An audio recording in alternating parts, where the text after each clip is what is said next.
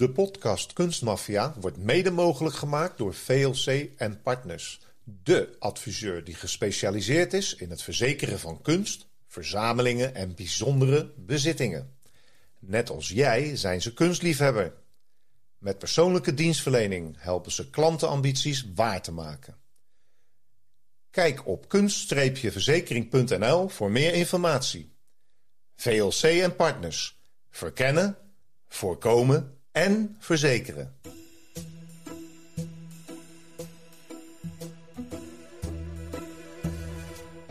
In 2002 verschijnt er in de Californische wijnhandel een nieuw kid on the block. Rudy Kurniawan. Hij verschilt in alles van de traditionele club rijke, blanke mannen. Rudy is jong, Indonesisch, welbespraakt, zeer amicaal en maakt gemakkelijk vrienden onder de superrijke wijnverzamelaars. Komt vooral door zijn uitzonderlijke talent om blind vrijwel elke zeldzame wijn te proeven en te identificeren. Hij verandert in een graag geziene cultfiguur op de jetset wijnfeesten waarvoor kapitalen aan wijn geschonken wordt. Als hij op belangrijke veilingen de duurste wijnen opkoopt, drijft hij de markt naar grote hoogte. Maar hoe komt hij aan zoveel geld? En is de wijn die hij verhandelt wel echt zo zeldzaam? Dit is Kunstmafia, een podcast over roof, vervalsing en zwendel in de internationale kunst- en antiekwereld door Rick Bouwman en Robert Tettero. Deze keer in Kunstmafia, zaak 12. Rudy Koeniaman, de exotische wijnvervalser. Hey, Robert. Wijnvervalsen? Gaan we nou ineens wijn als kunst zien? Wijn, Rick, is kunst. Want? Want uh, het is een kunst om de wijn te verbouwen. Er zijn grote verzamelaars van wijn. Wijn wordt verhandeld, uh, net zoals wat de kunst, aparte kunstveilingen, uh, aparte wijnveilingen voor. En nou zeg jij het maar. Vind jij wijnkunst of nou, ik heb wel eens meegekregen dat in de jaren zestig in Italië de maffia toch ook weer druk bezig was met, ook met wijn dus. Niet alleen die schilderijen, maar ook met wijn. Toen hebben ze iets te veel methanol toegevoegd. En uh, methanol, uh, ja, dat is hetzelfde wat je voor de verfverdunner gebruikt. Ah, oké. Maar, maar, dan mag je 1% mag je toevoegen, dan wordt de, de wijn of het alcoholpercentage wordt net iets hoger. Alleen uh, in Italië gooiden ze toen op een gegeven moment 30% erbij. Oké, okay, okay. En toen waren er toch een aantal mensen overleden. Dus dat is Hmm, niet is helemaal dat juist. Uh, kunst? Dat Kijk. is uh, vervalsen van, van wijn. En ja, dan gaat het dus ook wel eens echt mis. Ik heb ooit eens met een echte wijnsommelier, heet het hè, als het goed is. Een wijnkenner die je vaak in de hele dure restaurants tegenkomt. En wij klonken de glazen. En toen zei hij van, waarom klinken jullie de glazen nu? En aan doen. Dat is een gewoonte, dat doet iedereen toch? Hij zegt nee. Hij zegt, dit is wat erachter steekt. Je kunt de wijn proeven. Je kunt de wijn ruiken. Je kunt de wijn voelen eigenlijk, dus je hem opdringt. Uh, en, maar je kunt hem niet horen. En daarom klinken we de glazen. Kijk. Dat is toch kunst? Dat is kunst. En nog ja. een uitsmijter. Dit is kunst wat je kunt drinken. Ja, lekker. Nou, lekker dat toch? zit dat in je. Ja, Rick. precies, precies. Maar goed, hey, we gaan even door, want we hebben het over Rudy Koeniawan. De man die draagt altijd mooie pakken, maar altijd zonder das. Een open kraag en hij heeft kort zwart haar en een nerdy bril. Ja, wat wil je nou eigenlijk nog meer? Warme persoonlijkheid, attent en sympathiek. En hij vertelt de, ja, de, de mooiste anekdotes kwam hij mee. En, en sommigen denken zelfs dat hij ADHD heeft. Ja, was je een drukteschopper. Actief, hè? Actief was hij, heel, heel actief. verbaal sterk, ja. Ja, maar over zijn achtergrond spreekt hij eigenlijk nooit. En hij woont met zijn moeder Nee. in een villa. Ja, Moeder. daar is de moeder We weer. gaan het er niet meer over Ja, hebben. ja. Ook hier weer is een moeder betrokken in het verhaal. Ja, ja, ja, ja. Het is een oude moeder die die heeft. En eh, zij wonen samen in een eh, villa in Beverly Hills. Nou ja, dat, eh, dat betekent dat er geld genoeg is. En hij zegt dat zijn broer, die, die soms ook meekomt, zeg maar, dat hij Heineken-distributeurrechten heeft voor China. En daardoor een vermogen heeft opgebouwd. Dat kan ik me voorstellen, want eh, daar wonen anderhalf miljard mensen. En die drinken ook wel, wat. eh, wat drinken, ja. Die hoeft dat, eh, staat niet verboden. Ja, en Rudy die wordt al heel snel uitgenodigd op de meest exclusieve wijnproeverijen. Hij neemt zelf de meest zeldzame topwijnen mee uit zijn eigen verzameling. Dus hij is al snel populair bij de, bij de mannen. En zijn vrienden worden klanten. En kopen direct van hem.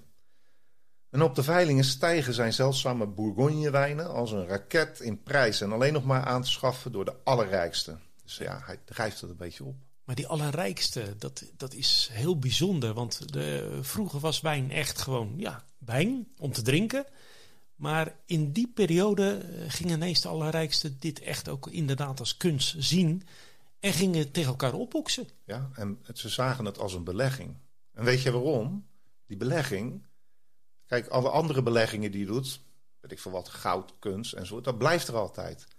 Maar wijn wordt ook gedronken, dus het wordt steeds zeldzamer en daarom gaan de prijzen ook weer omhoog. Maar hij deed dat echt eh, door de grote opkoop. En nou ja, waar praten we over, Rick? Eh, flessen, die gaan voor 20.000 eh, dollar per stuk. Hè? Dus je kun je wel voorstellen, dat zijn heel zeldzame wijnen. En als hij op de top is gekomen door zijn grove aankopen voor, voor nou ja, miljoenen, eh, verkoopt hij ze weer. Ja, dat is wel slim natuurlijk. En tussen 2003 en 2006, want dit is geen oud verhaal, levert zijn wel wijnkelder een omzet van ongeveer 35 miljoen dollar op. 35 miljoen Ja, ja. wijn. Aan Dat is, alleen maar eh, flessen dat is- wijn. Dat is bizar, ja. Maar goed, hij heeft een eh, grote rivaal. En die ook als wijnverzamelaar optreedt en multimiljonair is. En dat is Bill Koch, een eh, Amerikaan. eh, Die vaak ook tegen Rudy eh, opgeboden heeft. En ja, even een tussendoortje. Die Bill heeft een privé-wijnkelder met 43.000 wijnflessen. Ja, ik heb even Gevuld zitten en al. Rekenen Rick, die drinkt hij in zijn levensdagen niet op, hè? Want hij is al op leeftijd. Maar Nee. Maar goed, hij heeft ze wel. En één van die flessen is een 18e eeuwse wijn. Ja, dan moet je toch wel echt een verzamelaar zijn als hij 200 jaar een wijnfles laat staan. Maar die is inmiddels wel 100.000 dollar waard. Dat Ja. is natuurlijk wel bizar. Nou ja, goed, toch is ook die Bill Koch wel onder de indruk van Rudy's eh, zeldzame wijnen. En hij koopt maar liefst op een gegeven moment 400 flessen van Rudy voor zo'n 4 miljoen dollar. 400 flessen. Oftewel 10.000 euro per fles. Eh, en dan ben je gewoon 4 miljoen dollar kwijt. Ja. Dat is bizar. En eh, nou ja, daaronder ook een zeer zeldzame wijn uit, eh, uit 1921. Maar eh, ja, 10.000 eh, dollar voor een fles vind ik eigenlijk al die flessen wel zeldzaam. Ja, weet je, ik, ik vraag me ook af, is die wijn nog wel te drinken? Maar ja, het zal wel, want anders dan zijn ze niet zoveel waard natuurlijk. Nee, maar hij had dus een bijzondere fles, ook uit 1921. Maar na verloop van tijd ontdekt deze Bill Koch dat deze laatste wijnbouwer pas vanaf de jaren 30 actief was. Oké, Dus, Dus- een fles van 1921 wordt aan hem verkocht. Maar het Ja. merk. het merk was pas vanaf 1930 Nee, dit is oké. in beeld.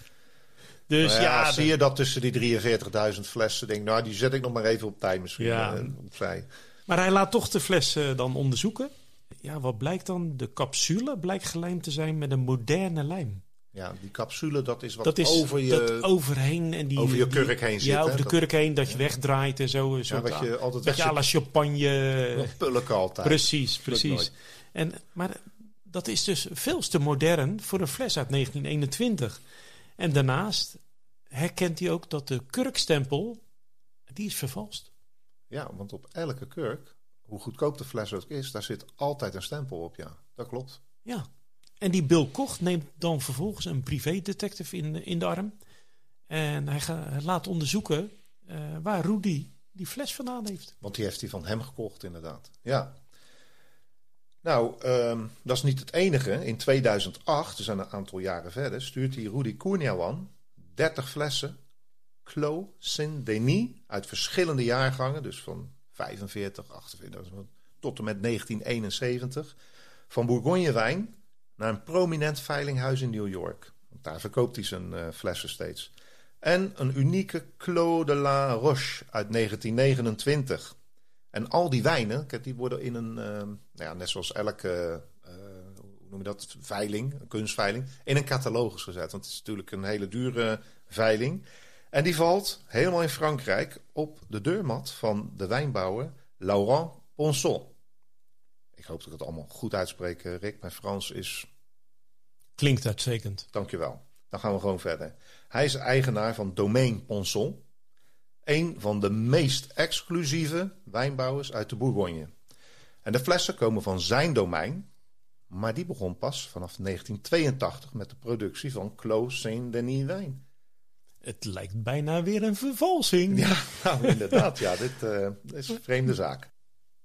Ja, en die Ponceau die eh, leest dus die veilingcatalogus. En die stelt vast dat de flessen die daarin staan vervalsingen moeten zijn. En op de etiketten daarvan ontdekt hij ook nog eens spelfouten. En wat doet hij dus? Hij vliegt naar New York en wil erop toezien dat die kavels van ongeveer 700.000 dollar dat die uit de verkoop werden gehaald. Ja, dat kan ik me ook wel voorstellen. Ik bedoel, hij is zelf de producent. Hij heeft het zelf verbouwd. Dus hij is misschien wel de enige man op de wereld die het direct herkent. Ja, en dan uh, ontmoet hij ook nog die Rudy daar. En hij weerstaat zijn innemendheid. Want die Rudy die weet natuurlijk alles en iedereen in te pakken. Echt een charmeur. Maar Ponceau die trapt daar toch niet in. En sterker nog, na dat persoonlijke gesprek vertrouwt hij Rudy niet. En gaat hij naar de FBI om de herkomst van die vervalste wijnen te zoeken. Fransman hè, die uh, trapt daar niet in. En Rudy, die werkt van harte mee. Ook met de politie, geen enkel probleem. Hij zegt dat hij de flessen heeft gekocht van ene Pak Hendra. Een leverancier uit Jakarta. Maar niemand kent deze man en de opgegeven telefoonnummers die hij erbij gegeven heeft, die leiden nergens toe. Dus ja, vind ik ook een beetje raar dat die flessen dan eigenlijk gemaakt zijn of verbouwd zijn in Frankrijk, verkocht worden in Californië en ja, hij heeft ze gekocht in Indonesië. Nou, hij komt er vandaan, dus kan.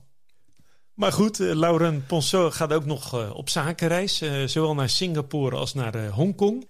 En vraagt al zijn wijnconnecties naar Pak Hendra. Maar ja, helemaal niemand heeft ooit van, van deze Pak Hendra gehoord. en wel vertellen ze hem dat de naam in Indonesië zeer gangbaar is. Zoiets als meneer Jan Jansen in Nederland. Ja, inderdaad. en ook echt meneer, hè, want Pak betekent meneer in het Indonesisch. Maar goed, ook kent niemand Rudy Kurniawan. Dat is gek. Ja. Als je zo, zo, ja, moet je dat zeggen, pompeus in de handel zit. Dat je zo grote bedragen eh, verkoopt en inkoopt. En dan al die wijnexperts van die dure restaurants in deze twee grote steden in het oosten, die kennen je niet. Nee, heel bijzonder. Maar goed, uh, inmiddels uh, is de FBI ook verder met het onderzoek bezig. En die stellen inmiddels ook vast dat een aantal flessen met spelfouten op de etiketten zijn gevonden. En de herkomst? Rudy's wijnkelder. Die zal ook niet zo klein zijn, denk ik. Nee, de vraag is of Rudy zelf ook geflest is met deze flessen. En hij zegt dat niet meer te weten van wie ze komen. Ja, omdat hij zelf ook zoveel ingekocht heeft. Ja, daar kan ik me iets bij voorstellen. Je koopt flessen, die Bill Koch kocht ook 400 flessen. Ja, uh, uh, waar komen die vandaan? Dit wordt verkocht, doorgekocht, weer geveild. Er zit wel wat in. Maar ondertussen bewijzen stapelen zich op tegen Rudy. En in 2011, je ziet het, dat gaat over de jaren heen, staat de FBI voor de deur. Maar niemand doet open. We zijn in Beverly Hills nu. Als ze de deur willen inrammen, doet Rudy snel open. Hij is net uit bed, slaperig enzovoort.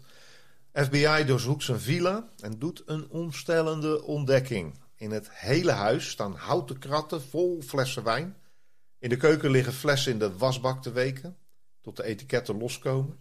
Ze vinden trechters, rode wax voor die stempels uh, over die capsules en duizenden vervalste etiketten die geprint zijn op oud en verouderd papier van exclusieve wijnhuizen. Niet alleen kurkentrekkers liggen er, maar ook, ik weet niet hoe ze heet, Rick, kurkenduwers. Ja, zeker. Kurk in een fles te doen. Ja, en dan staat ook nog in talloze notitieboeken een eigen gemaakte wijnformule van de juiste mix om de smaak na te bootsen. Die Rudy was daar natuurlijk echt een meester in. Maar hij bracht dus in feite nieuwe wijn in oude flessen. Ik dacht dat het eh, oude wijn in nieuwe zakken was. Ja, dat was een andere uitspraak. Maar bij Rudy is het nieuwe wijn in oude flessen. Nou ja, dat huis van hem, dat lijkt natuurlijk wel een laboratorium. Van een, of andere dwaze professor. en het namaken van een smaak is wel een uitzonderlijk talent, zoals ik zojuist zei, eh, van deze Rudy. Daar is natuurlijk een ongekende wijnkennis voor nodig. Dus ja, ondanks dat hij vervalser is, is het natuurlijk ook wel een, een geweldenaar geweest op dat gebied. En in zijn computer vinden we ze dan ook diverse e-mailwisselingen met tientallen dure restaurants waar hij de gebruikte flessen met kurk voor aantrekkelijke prijzen zelf opkoopt. Ja, dat is- Waarom met kurk? Ja, ik denk dat die, die flessen, die heeft hij natuurlijk gebruikt. Want dan heb je oude flessen. Want ja, in die dure restaurants zitten ook flessen van misschien 40, 50, 60 jaar oud.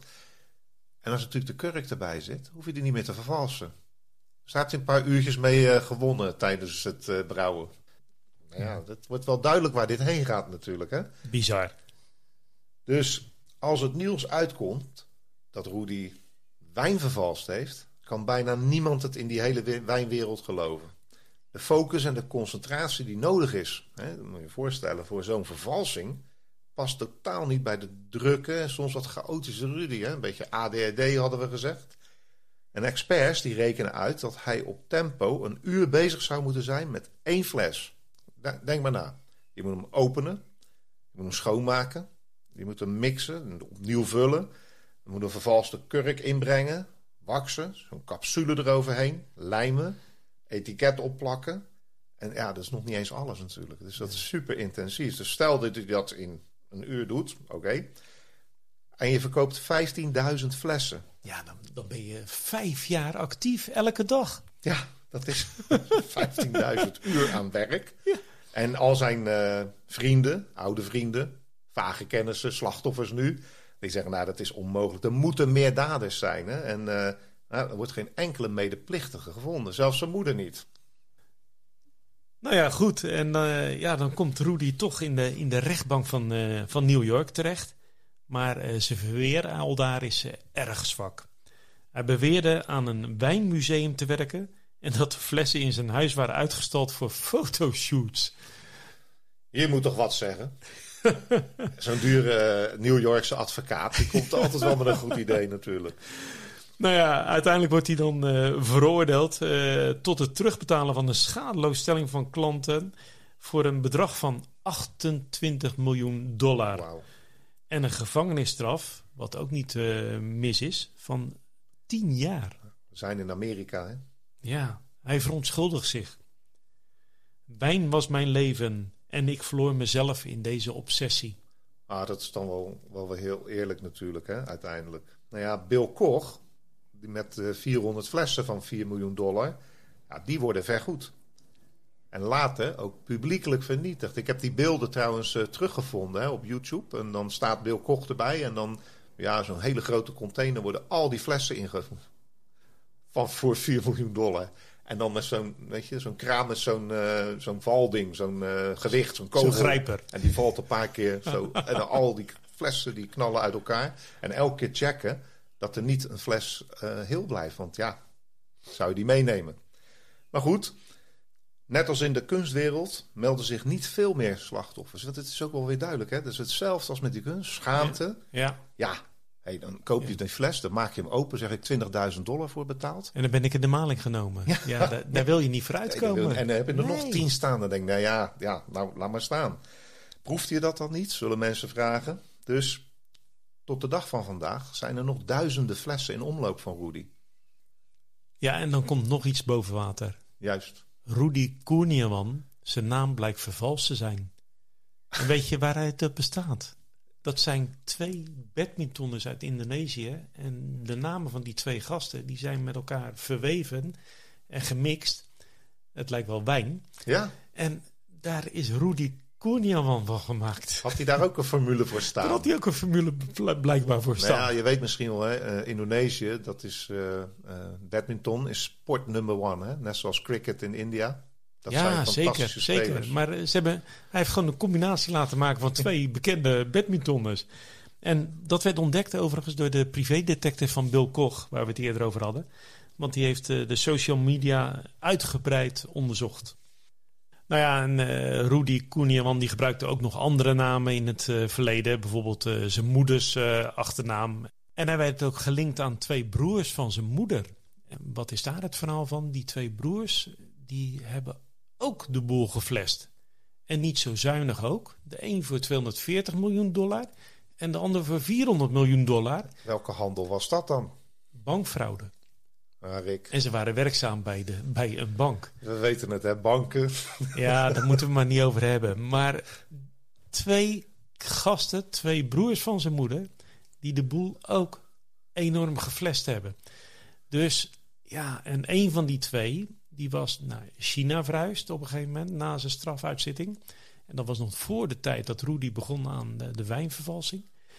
Die verdiende dik geld als uh, bierdistributeur in China. Dus dat klopte wel. Dat klopte wel. En wellicht heeft Rudy Koeniawan daar geld uit verkregen om de zaak te beginnen met het vervalsen van wijn.